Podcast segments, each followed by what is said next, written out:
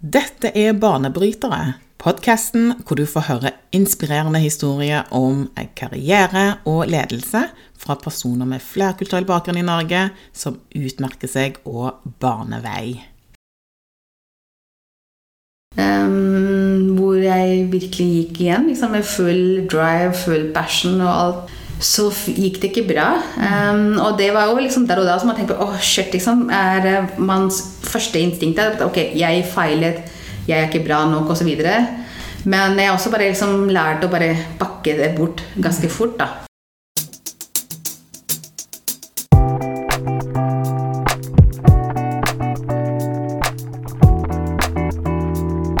Dagens gjest Angeli Batnager er gründer av og CEO for eh, Tørn. Norges første digitale markedsplass for eh, salg og kjøp av overskuddsvarer for eh, byggevarebransjen. Og hun har hatt mange lederstillinger tidligere, bl.a. som direktør for produkt- og prosjektutvikling i selskaper som Telenor og Geodata. Hun har òg to tidligere selskapsetableringer bak seg, og brenner for å bruke teknologi og design til å utvikle miljømessig og kommersielle bærekraftige løsninger for eh, reelle samfunnsproblemer. Hun har en doktorgrad i eh, fysikk fra Universitetet i Oslo, og ble kåret til en av Norges fremste 50 tech-kvinner i 2021.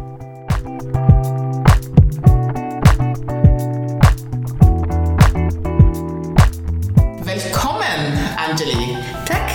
Kjekt å ha deg her i dag. Veldig kjekt å være her. Ja. ja. Hvordan har dagen din vært? Dagen har vært veldig hektisk.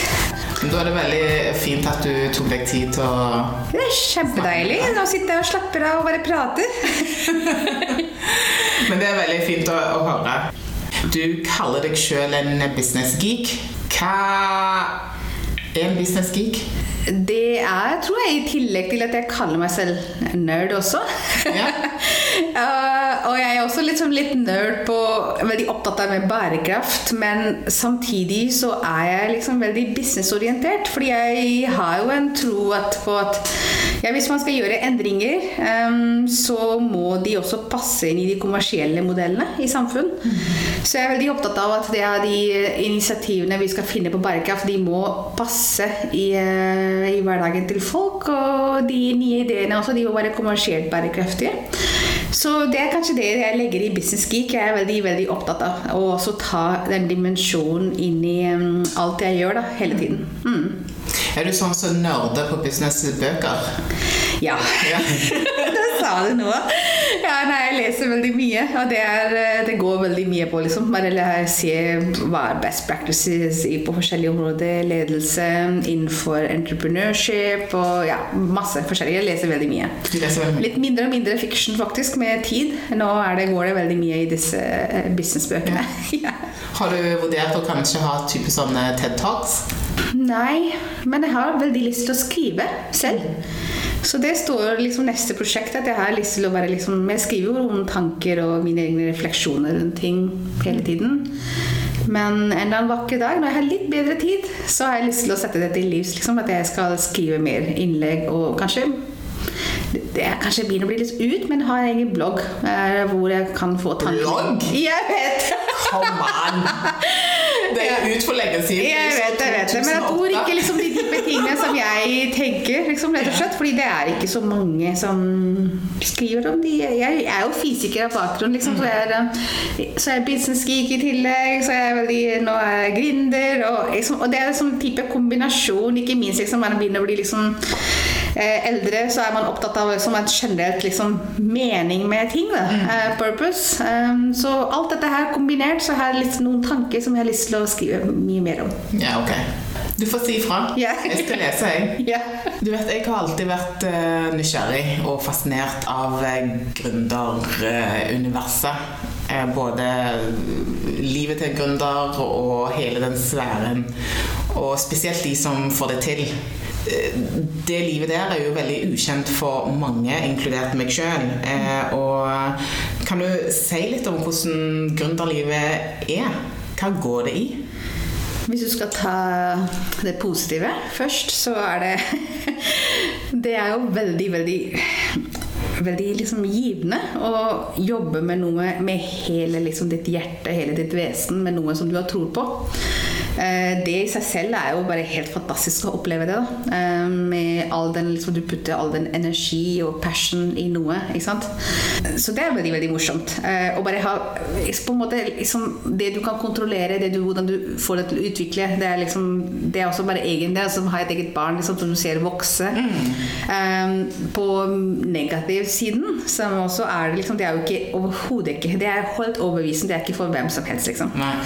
Og det er fordi det er nettopp ikke sant? Det følger jo med så mye bekymringer. Det er jo bare jobbing døgnet rundt.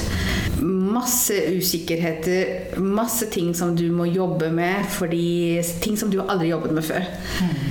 Fordi sant, Når du har etablert jobb, så du har veldig definert oppgave. Liksom, du har andre folk som, kan, som kan hjelpe deg. Um, men med gründerlivet, spesielt i starten, liksom, når du er short på penger, du, har, liksom, du, skal få ting til veldig fort, og da må du bare dekke alle hull. Du må ha på mange hatter. Gjøre ting som du aldri har gjort før. Mm. Og samtidig liksom, ja, all den usikkerhet. Altså, blir det noe av, eller ikke sant? Fordi det er jo Det kan man ikke Det er veldig mye man kan ikke regne seg fram til, men analysere seg fram til i starten. Det må man gjøre liksom, hvis man skal satse på noen idé. Men det er så mye som du ikke kan vite på forhånd. Mm. Som du må være forberedt på og ta det liksom, som det kommer. Men er det sånn at eh, gründermiljøer, hvis det er noe som heter det, hjelper dere hverandre? Eller er det spisse albuer? Er det liksom alle mann for seg sjøl? Nei, det syns jeg ikke. Liksom, I Norge er jo virkelig er ja. Eh, kjempebra community, og folk hjelper hverandre. Folk deler erfaring med hverandre hverandre. Men på annen side også så er jo ikke det kan jeg bare skrive under på selv. At man har jo ikke så god tid til å gå rundt og snakke med folk. Nei. Du har jo alltid tusen ting å gjøre. Jeg merker jo selv at jeg har ikke brukt noe tid på noe networking og gå på noe events osv. Det har jeg virkelig ikke tid til. Er, eh, for du vet hva du skal gjøre, og du må bare prøve å få ting ut hele tiden. Men hvis man søker hjelp, så får man. Det er, eh, jeg syns jo Norge er eh, fantastisk også. Det er veldig, mm. veldig bra miljø. Ja. Mm.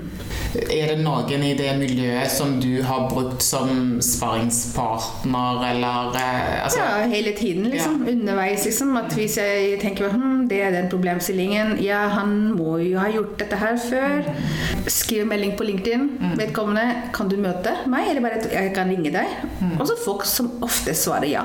Så, så, det er eh, kjempefint, og det prøver jeg også selv å være bevisst på. Det jeg må gi det tilbake òg. Ja. Ikke til sammen, men liksom til, ja, gi det videre er uh, prøver på det også, rett og slett fordi det er kjempeviktig. Ja, yeah, pay it forward. Yes. Bygge litt karma. Ja, det trenger ja, nettopp, man. Nettopp. Ja. Men føler du at du har gjort en del av det siden du starta med gründer? Ja, jeg, jeg, gjør liksom Jeg hjelper andre, og jeg får hjelp av mange andre. Mm. Så ja, det er sånn det funker. Hva kreves det å lykkes som, som gründer? Jeg tror den erfaringen jeg har hatt da, bak meg det har jo vært veldig verdifullt. Og så tenker jeg liksom for å lykkes som gründer, så det holder jo ikke med bare å ha en god idé. Det er execution is everything. Er, og execution kommer jo at du må forstå hele økosystemet som ideen din skal operere i. Um, hvem er kjøperne av eh, produktet ditt eller tjenesten din, og hvor befinner de seg, hvordan skal du nå dem? Så, og det er jo det som er gøy òg, faktisk. da, at man må tenke på virkelig 360 grader rundt den ideen. da samtidig på veldig kort tid, liksom, for det er jo det det er. er um, jeg tror ikke det er noen stjeler ideen din, liksom, men igjen uh, I dagens um, samfunn ting endrer seg så fort. Uh, alle forutsetninger på hva liksom, egentlig som skal være på timing, er kjempe Så det du spør, at hva som skal til for å lykkes jeg føler liksom at det er um, Selv om du har det meste på plass, du har en god idé, og du har fått uh, liksom bygd hele den økosystemet rundt det også, mm. så timing eh, er kjempeviktig. Og du må ha en ganske god dose med flaks også. Tror du det er underkommunisert, den delen med at eh, ja, hardt arbeid er viktig, og folk blir jo fortalt at det jo står på, mm. eh, ikke ta nei for et svar og bare kjør på. Eh, men tror du det er underkommunisert, eh, den delen med at eh, det er mye tilfeldigheter også, og ja. mye flaks i bildet? Yes, det er det. Ja. Ikke minst liksom, jeg tenker også på at det er også med Det er bra med liksom det med resilience, liksom, at bare ikke gi opp. Men noen ganger så er det også lurere å bare gi opp også. Er, ja.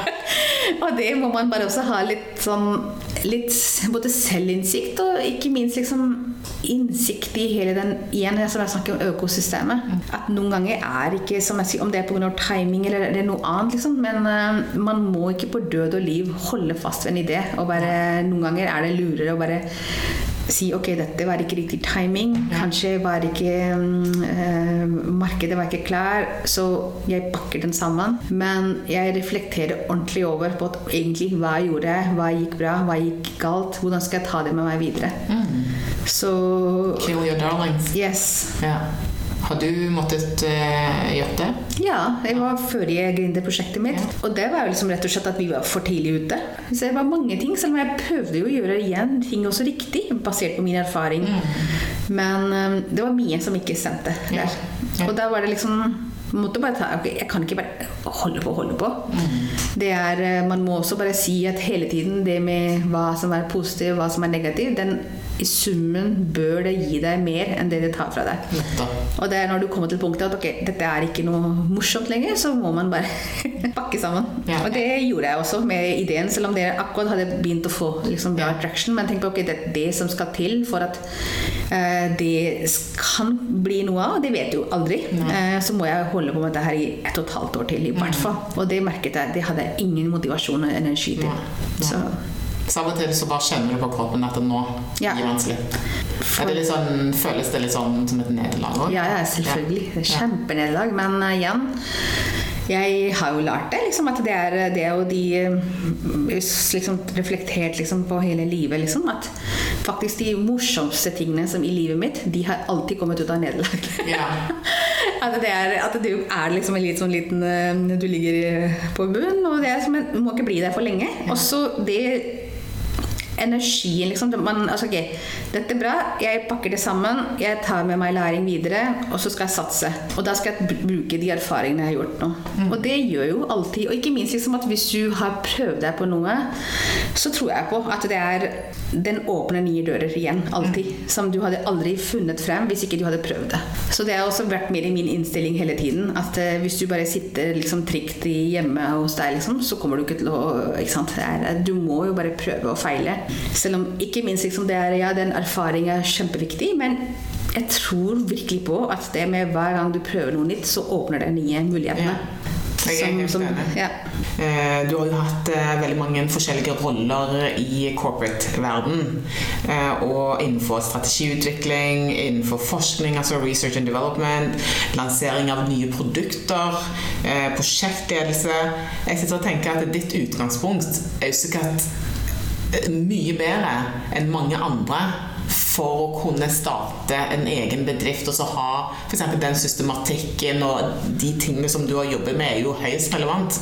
Jeg vet ikke, hva tenker du? Føler du at det har Jo, jeg føler jo det også ja. når jeg starta ideen. Ja. Bare, nå skal jeg prøve noe eget. Og jeg tenkte, ok, jeg har gjort det og jobbet som konsulent og hjulpet andre kunder med mm. mange ting. og når du gjør ting for andre i corporate mm. life, du har en kjempeapparat rundt deg det er jo sjelden at man gjør noe alene. Mm. Er, um, men når du skal bli gründer, uh, så skal du ta all den erfaring. Um, og så kan man ha en tendens til å tenker for komplisert, rett og slett. Fordi jeg føler at det er en erfaring. At man har vært i veldig mange forskjellige situasjoner. Og, men, så det med å bare starte med noe veldig enkelt og bare hele tiden igjen teste, teste. Eh, prøve, feile, prøve, feile. Ikke minst liksom, noen fagområder hadde jeg aldri vært borti i min karriere. Liksom. Og de bare, bare få f.eks. markedsføring. Det var jo en av dem. At selv om jeg skjønte at ja, jeg må begynne å gjøre det sånn, sånn, sånn, sånn, så hadde jeg ikke inngående kjennskap til. Men alle disse typer tingene gjør jo at det er um, at det er ekstra komplisert når du skal satse med dine egne penger, bare din egen tid, og helt alene på noe. Jeg hadde jo liksom At jeg hadde ikke noe gründerteam rundt meg. Det var bare min idé som jeg hadde lyst til å utvikle selv. Så, så, alt dette var også med på at det var Selv om det skulle ha vært veldig enkelt med min bakgrunn, så var det ikke det. Um, hmm. Sover du godt om nettene? Ja. ja. man kan ikke sove dårlig i flere år på rad. Nei, jeg sover veldig godt. Og det er også liksom at man lærer jo at, eh, hvordan man skal takle den, liksom, den veldig um, vanskelig Eller ikke vanskelig, men den er veldig um, hektisk hverdag. Og alle usikkerheter, alle bekymringer. Så nei, jeg, nå er jeg ganske chill og zen. sover ja, veldig godt da. Ja. ja. Fordi hvis man ikke sover godt, så det er jo det, da kommer man ingen vei, liksom. Er, uh, hmm. Ja, det skjønner jeg. For du kom jo til Norge da du var 22 år. Mm. Hva hva var grunnen for at du eh, fant Norge, holdt jeg på å si? Hvorfor kom du til Norge? Skjebne, det. det er, eh, jeg skulle jo faktisk ikke sant, hadde jeg bestemt at jeg skal prøve å se om jeg skal studere i utlandet. Jeg hadde jo bachelor i, eh, liksom, i physics liksom, fra Universitetet i Delhi. Og så planen var jo fordi indere kjenner jo ikke til Norge. Mm. Um, så jeg, jeg, kommer jo fra India, det har jeg jo ikke sagt det. Ja. Ja. Um, vokst opp i Delhi, liksom. Virkelig en del av Delhi hele livet. Ja.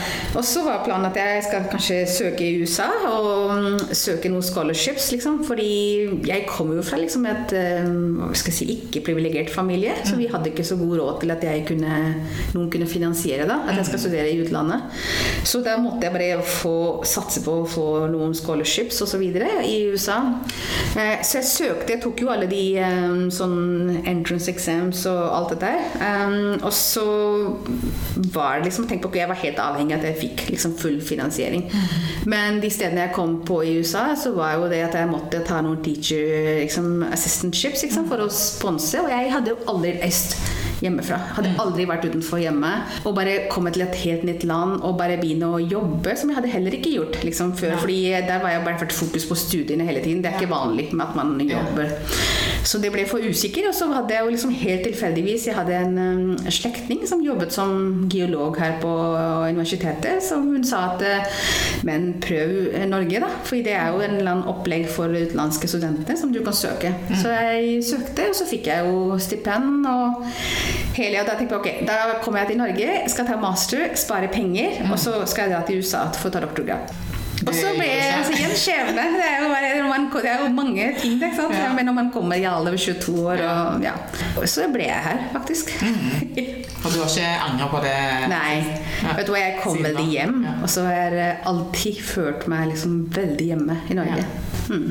Du har jo hatt uh, mange veldig spennende stillinger, spesielt innenfor uh, teknologi. Hva er det som fikk deg til å gå til, altså, i gründerretningen? Og det er jo nettopp liksom, som du sa også. Jeg har jo prøvd meg i mange industrier. Um, med masse, masse, forskjellige typer jobber. Og jeg har utforsket min strukturerte delen av meg. Også, og den ble jo ganske sånn um, Den har jeg jo brukt i så mange forskjellige jobber mm. at jeg nesten begynte å tro at ja, er, jeg er egentlig strukturert person, jeg er ikke kreativ. Mm. Mm. og så, men samtidig, så det nå vet jeg at jeg er mer kreativ enn strukturert. Jeg er begge deler. Um, ja. Men det er jo liksom den, den trang da, på at ok, nå har jeg prøvd meg med veldig mange forskjellige jobber, får gjort veldig mye, men jeg har lyst til å skape noe eget. Den har jeg jo tenkt på, men jeg manglet idé. Det er derfor det har bare ligget hele tiden. Men tenk på, ok, nå skal jeg ta, liksom, puste med mage og tenke hva har jeg lyst til å gjøre. Og tenk på, ok, ja, Kanskje riktig tidspunkt nå at jeg skal prøve meg med det, det jeg hadde. At jeg vil prøve meg på ja. å, å, gjøre noe selv. Hva idé var det? Det var jo liksom, igjen det er um, jeg har teknologiinteresse, men det var fashion innenfor. At jeg tenkte på at jeg liker jo fine klær, og det gjør jo veldig mange kvinner det, men vi bruker jo ikke de klærne som vi har investert. Um, og da tenkte jeg på at ja, men hvorfor ikke Jeg er veldig sosial, jeg er veldig liksom, åpen person. Tenk på at ok, Jeg skulle gjerne, jeg låner jo klærne mine til venninnene mine hele tida, men hvorfor ikke gjøre det litt mer systematisk? At jeg kan leie ut klærne mine til de i nabolaget. Som at jeg blir kjent med andre som er kanskje samme størrelse som meg, samme type stil. Og at vi skaper så små communities da, rundt omkring. Og det tenkte jeg på at ok, da skal jeg lage en sånn tjeneste som fasiliterer dem den type kontakt. Så det var ideen. Hvordan gikk det? Eh, det var altfor tidlig. Liksom, nå snakker vi om tidlig i 2017. 2017. Var det for tidlig?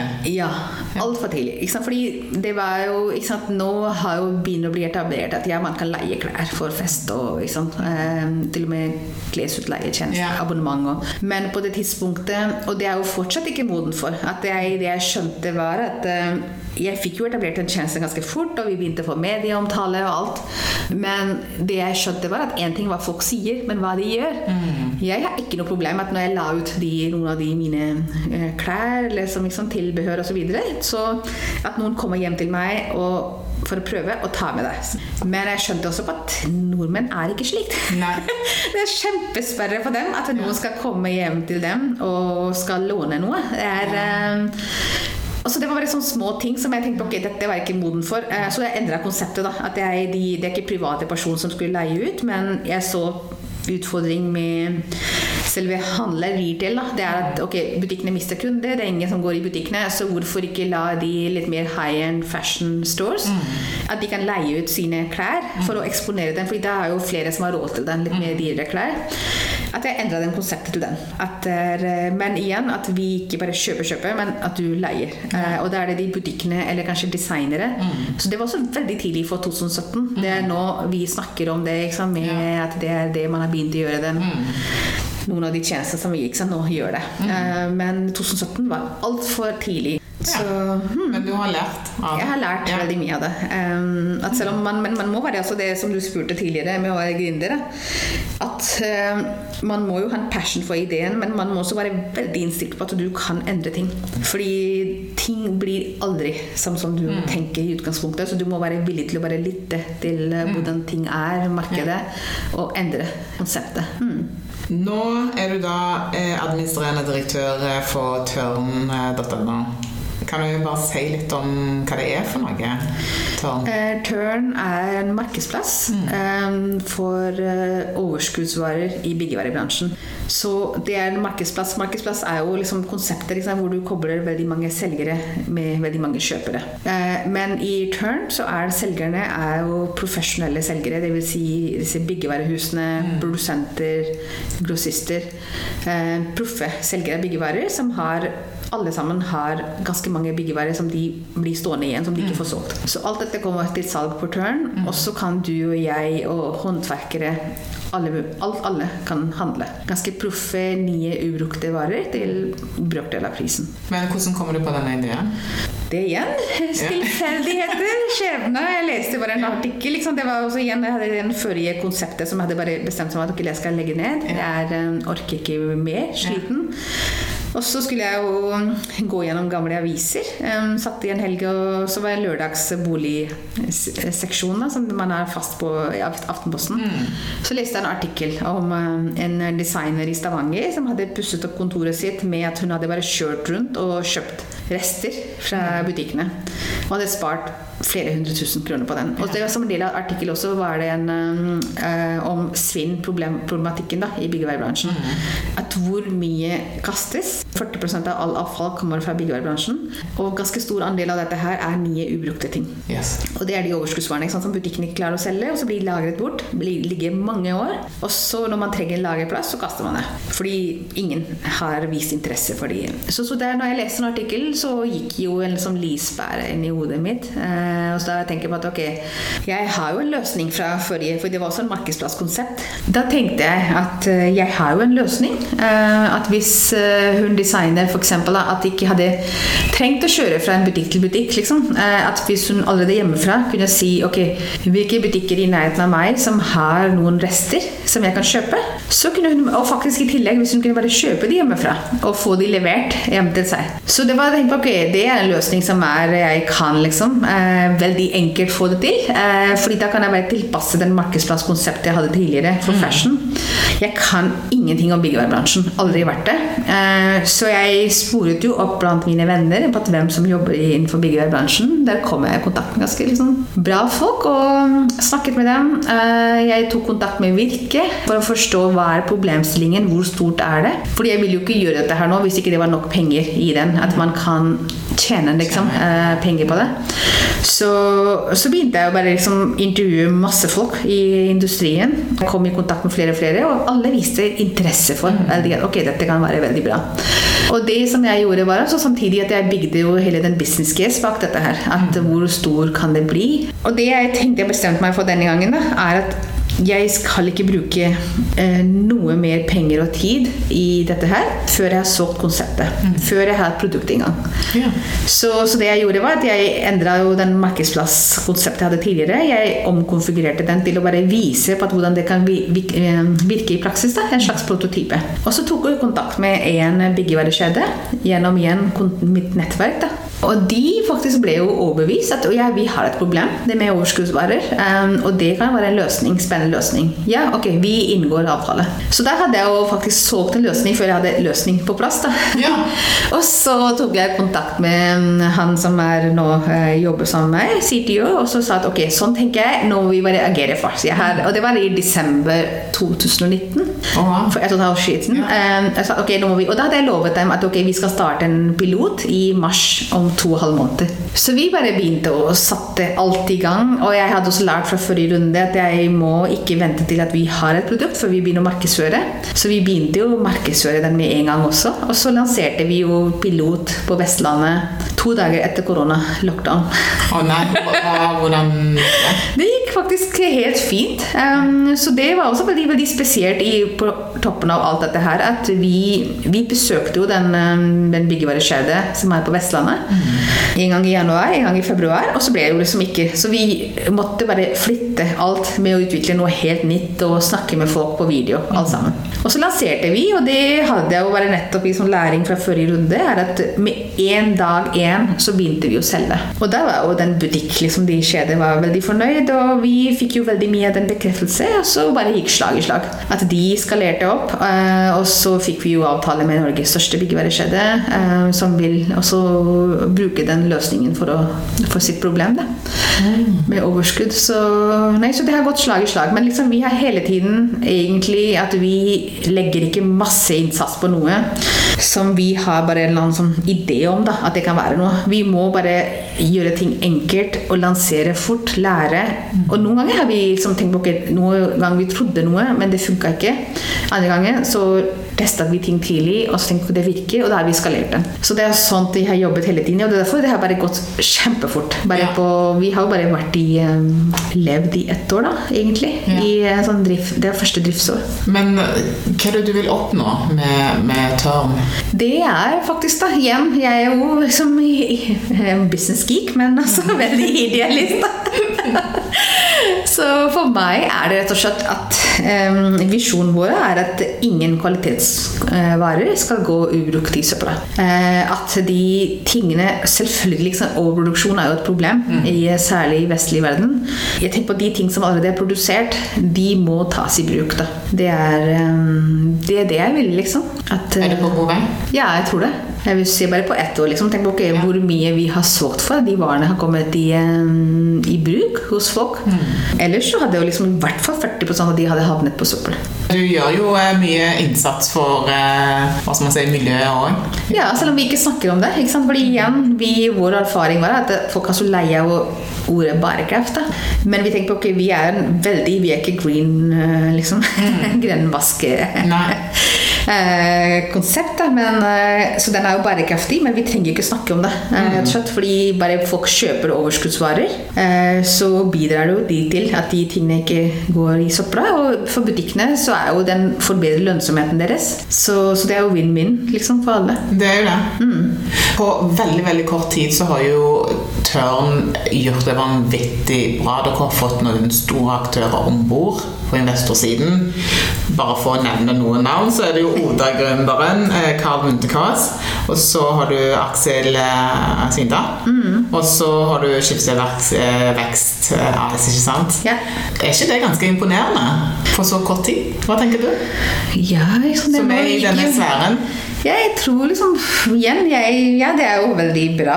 Vi er veldig fornøyde, liksom. For at denne gangen, i forrige liksom, konseptet mitt, da, måtte vi jage investorene. Men denne gangen så fikk vi jo liksom et forespørsel som var Og det er rett og slett fordi vi fikk jo den bevist at det har noe for seg ganske tidlig. da um, At vi kunne vise til en veldig bra traction. Um, så, så, det også tenker jeg på at de er jo også veldig riktige investorer også. Så det var, vi, vi hadde luksus at vi kunne velge investorene også. Og der kunne vi bare velge de som kommer til å hjelpe oss da, videre på reisen med sin kompetanse og igjen sitt nettverk. Mm. Så utrolig spennende. Det er jo veldig mye interesse rundt dette konseptet òg. Det merker dere eh, mye til det? Jeg tror det, ja. Ja. ja. Så ja, vi føler jo på at det er- løser jo et problem da, for bransjen. Men som sagt, jeg tar ingenting for gitt. Nei. Nei. Ja. Så, så som du sa, at ja, det har gått veldig bra hittil, men vi har masse, masse, masse, masse problem, mange nye problemer å løse. Og, så, så vi må tenke ordentlig gjennom også ting fortsatt. da. Eh, vi går jo inn i Sverige, for eksempel, da, nå eh, på nyåret. Og der er jo min, Jeg er veldig ambisiøs og tenker at alt det som vi gjorde i Norge, det gikk jo fort, men det kan gå enda fortere nå, når vi vet for at hva er det vi, hvilke ting vi mm? Hva, Vi vet jo egentlig på hva er rekkefølgen på ting. Så, så vi må bare prøve å få til enda fortere i Sverige. så, så, vi får se, da. Ja. Vi tenker at Det kan være, helt andre ting. Utfordringer, problemstillinger som kan dukke opp der. da. Så Ja. det er jeg helt åpen for og klar for hele tiden. Men hva, hva tror du vil være en eh, utfordring? Det, jeg har jo lært at jeg har ikke jobbet så mye i profesjonell sammenheng med svensker, men jeg skjønner jo at det er, ganske, liksom, det er jo litt forskjellige kulturer. Mm. Eh, og hva, ikke minst i kommunikasjon, hva er det nordmenn liksom trigges av, hva svensker trigges av. Men igjen, det er jo en sånn reell problemstilling der også. Det med overskuddsvarer, de har jo skjønt det eh, med den parten som vi skal også bare liksom, starte sammen med. Men det kan jo hende at, eh, på teknisk side, på distribusjonsside, liksom, at, at, ja, at det kommer. Om ikke noen store ting, men mange små ting. Ja. Nei, jeg vet ikke. Jeg er liksom forberedt. da. Ja. At det er, eh, tar ingenting for gitt. Da er vi spente sammen. Ja. jeg er spent på dine vegne. Jeg tror det blir bra. Jeg. Men eh, jeg har en eh, påstand her, eh, Angeli. Det at du, du er gründer, du er kvinne, du er ikke-vestlig. Du har ikke vestlig bakgrunn, ikke sant? Eh, Og sjansene for å lykkes som gründer er vel rundt sånn 10 ish, eller? ja. Ja. ja. Det er jo skjønnhet også for gründerskap, da. I, Ja. Særlig eh, i teknologi, på teknologisiden. Så Ja. jo ja. Og så hvis du legger til kvinne, kvinne til det, så reduseres det gjerne. Og så legger du til eh, ikke-vestlig bakgrunn, så blir det enda lavere igjen. Så eh, statistisk sett så, så er det ikke sånn at du har veldig mange odds mot deg, men du har jo fått det til allikevel. Jeg tror det er noen odds bak meg, yeah. men samtidig som person at jeg har jo en teknologibakgrunn. Det teller jo liksom Ja. pluss i dette her. Um, og så igjen eksempel, at jeg har jobbet i så mange forskjellige industrier Mm. og jobbet med veldig mange forskjellige Jeg har veldig stort nettverk selv. Mm, så det er også liksom Ja, jeg vil liksom tildele at det Ja. har gått bra, da. Og så er liksom igjen min bakgrunn da, er at uh, det er noe som i meg, liksom, som, som jeg føler som passer til å være gründer. Hva er det for noe? Det kommer jo fra oppveksten, faktisk. da. Er, og det kommer, jeg vet ikke, og det har ikke noe med indisk å gjøre, det har noe med bare min familie å gjøre. At, som jeg også sa, liksom, at vi hadde jo liksom litt Vi vokste opp i liksom litt ikke veldig um, privilegert, liksom. Er, uh, så foreldrene mine jobbet veldig, veldig hardt. Um, hadde lite mulighetene.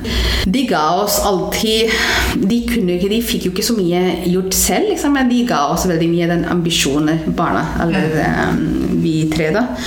Og så, Det er en ting som jeg vokste opp med, og jeg vet ikke hvor det kommer på. Jeg prøvde å tenke mange ganger, men det er at, at vi Det alltid liksom ble lært opp til, er at jeg har en plikt til å utnytte mine egenskapene, mine talenter, og søke etter og utnytte alle mulighetene som ligger rundt omkring. Det har bare helt vært grunnleggende, og det er liksom fra jeg kom til Norge. Det er bare helt sånn som jeg er. At er, jeg tenker ikke bare 'Å, dette gikk ikke bra'. Dette var. Jeg bare hele tiden tenker på 'Ok, hva er det mulig nå?'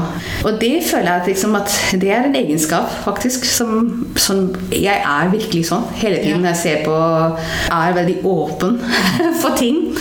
Og at det, det passer veldig bra å være gründer, faktisk. Ja. Fordi det er nettopp fordi du vet ikke på hvilke Du går jo i en helt ukjent terreng, og der er liksom Da må du være virkelig åpen og ikke ha veldig fastlåste tanker, og du må utnytte alle mulighetene eh, som du Uansett hvor begrenset det er. Liksom. Så det lærte jeg i oppveksten min, som jeg så faren min, hvordan han var. liksom, Virkelig.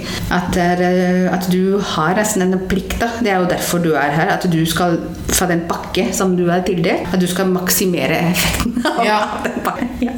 Men føler du at du legger press på deg sjøl? Jeg ser ikke på det som press. Nei. Aldri sett på det som press. Jeg tenker på at det gir meg så mye tilbake. Eh, gode opplevelser, nye mulighetene, nye mennesker eh, som jeg treffer. At det er eh, For meg er det bare, det er bare sånn joy. Oh, joy. ja. Fantastisk. Ja. Gleder du deg til å stå opp om morgenen? Ja, ja, ikke alltid, liksom. Det er selvfølgelig. Man har jo um, noen gode dager, noen dårlige dager, liksom. Men jeg, ja, jeg føler liksom at jeg Ja, jeg, jeg tror ikke jeg klager, liksom, noen ganger. Fordi jeg, uansett liksom hvordan ting går, rett og slett fordi jeg tenker på hm, Mening var at jeg skulle prøve den. Noe, det skulle kanskje gå bra, kanskje ikke bra. Ikke bra. Det var en, også en, litt mening med ting. Fordi den plutselig den har åpnet for at jeg i den prosessen så ble jeg kjent med den, den, den personen. Jeg fikk opplevd hvordan den bransjen er. Ja. Så, så, det er jo alltid noe godt som kommer ut av ting. da. Mm. Men når jeg nevnte dette her med oddsene, så mm. tenker jeg jo at eh, statistisk sett så har du jo Du har jo litt sånn odds mot deg, men du, sant, du har jo fått til dette her ja. uansett. Det sier jo veldig mye om deg, da. Eh, om deg som person og den driven som du har til å få dette her til. Eh, og utforske og kontinuerlig lære og ta i bruk alle mulighetene som du har. Ja. Det, sier, det sier noe om deg, gjør det ikke det? Ja, det gjør det. Men ja. Uh, ja, så jeg tror faktisk at det er um, Jeg har vært, uh, hatt veldig mye Jeg har vært heldig. Mm. At jeg nettopp eksempel, at jeg vokste opp med den type ja. holdning. Men jeg er stolt også på at jeg har bare klart å holde på dem, og ikke blitt en annen person. Um, det er, tross liksom noen nederlag osv. er um, Nei, så jeg tror faktisk at jeg kanskje ja, det er, jeg har gjort noen ting riktig, da. Mm. Hva har vært eh, nederlagene som du har opplevd? Nedturene? Det er jo business-sammenheng. Noen jobber um, hvor jeg virkelig gikk igjen liksom, med full drive, full passion og alt. Så gikk det ikke bra. Um, og det var jo liksom der og da som man tenkte på oh, shit, liksom, er manns Mans første instinkt er at ok, jeg feilet, jeg er ikke bra nok, osv. Men jeg har også bare liksom lært å bare bakke det bort ganske fort. da. Fordi der har jeg også kommet fram til liksom, Det kommer også med liksom, bli eldre, at man ser okay, det viktigste er å bare gjøre sitt beste. Og det jeg føler at jeg gjør hver eneste Og det andre nederlaget det er jo jobbsammenheng. liksom noen. Det siste det Grinde-prosjektet, når jeg hadde bestemt meg for å legge det ned, mm. det føltes som nederlag på privatplan. Så jeg har jo vært skilt en gang. Mm. Det føltes som et sånn kjempenederlag. ja. Men du kommer deg opp? Ja, jeg kommer meg opp. Så jeg også sa at eh, faktisk ut av hver av de, eh, de nederlagene, så er alltid liksom neste fase som har fulgt med, den har vært kjempebra. Så det er jo Ja, jeg føler at det er alltid bare at man må ned for å komme opp. Ja. Så du er sånn som eh, Hva det heter for noe? Thrive utfordringer og litt sånn sånne Ja, liksom tenker utfordringer hele tiden. Man kan jo liksom litt innimellom. Ja. Men, um, men lenge, så lenge ting er i bevegelse, mm. så føler jeg det er um, Så lenge jeg føler at ok, i dag har jeg liksom en ny problem å løse. Mm. Så jeg føler meg fornøyd. Hvis ting blir veldig stillestående, da blir jeg veldig rastløs. Ja. Og um, ikke, da er jeg ikke veldig på bra sted, da. Hvis ja. jeg, ja. Men hva, hva, ser du for deg eh, nå framover? Nå er jo tørnet i vinden og virkelig suser framover. Ja, ja masse, masse, å gjøre fortsatt. Ingenting på gitt, så jeg tror jeg har nok å gjøre med return i noen ja, år. I hvert fall. Jeg tenker jo liksom f.eks. sånn som at det er ja, blir veldig fint å få den til å fly ordentlig. Og så tenker jeg bare ja, da hva blir neste, da? Kanskje jeg har fått noen nye ideer der. Jeg, jo, jeg får jo nye ideer hele tida. Så hva vil jeg, hva vil være neste prosjekt? Og så har jeg jo lyst til å at ikke sånn, Jeg har jo hatt det kjempehektisk i mange mange år nå. Mm. Så hvis jeg får litt roligere etter hvert, så har jeg også lyst til å prøve meg på det skriveprosjektet mitt. Ja, skrive en bok? ja. Ah. Bok eller noe annet, liksom. Det, er, det får vi se. Men, ja. Eh, så den har jeg også lyst til. Um, men jeg tror jeg har ikke den mentalt den roen som man ja. trenger for å begi seg på et sånt prosjekt. Men uh, hvis du skulle sett tilbake til 22 år gamle Angeli, yeah. som kom til Norge alene og ja, alt er nytt og prøver å finne fotfeste. Og, og så Angeli nå. Hva ville du sagt til 22 år gamle Angeli? Hva jeg hadde sagt til henne? Ja. Nei, det var et vanskelig spørsmål, faktisk. Nei, vet du hva, jeg, jeg tror jeg gjorde ting selv om Uansett hvor naiv og ikke sosialt usikker jeg var på den gangen, men jeg hadde jo den drive og uh, liksom mer den målbevissthet. Nei, jeg vet ikke. Jeg hadde Ja. hatt noe å si. Um, Hadde du sagt du, det kommer til å gå skikkelig bra med deg, altså. ja. Gled deg. Faktisk det som også sa til deg, jeg er som person jeg er veldig optimist. Så faktisk nå også, så jeg, selv om jeg vet at liksom, det kan skje så mye i morgen osv., men jeg er Jeg prøver bare, å leve i liksom eh, i nuet og så prøve å gjøre det beste. Så jeg tror det kommer til å ordne seg. Det er, jeg vet ikke om det er en veldig hinduistisk liksom, greie, men jeg har virkelig troa på at i lange løp så ting ordner seg. Ja. Det er en mening med liksom Ja, mening med, med alt. Ja. Så du, du har tro på at hvis en dør lukkes, så åpner Yes. en og at det kanskje Og den hadde de ikke liksom oppdaget det hvis Ja. ikke det hadde vært liksom nok her. Og hvis du feiler, så må du snu deg rundt og se rundt liksom, på hva er alt er det. Ja. Og det hadde du ikke gjort hvis du hadde bare liksom fortsatt i liksom, i den banen. Hmm. Angeli, tusen takk for praten. Takk skal du ha. Veldig, veldig hyggelig å være her. Ja.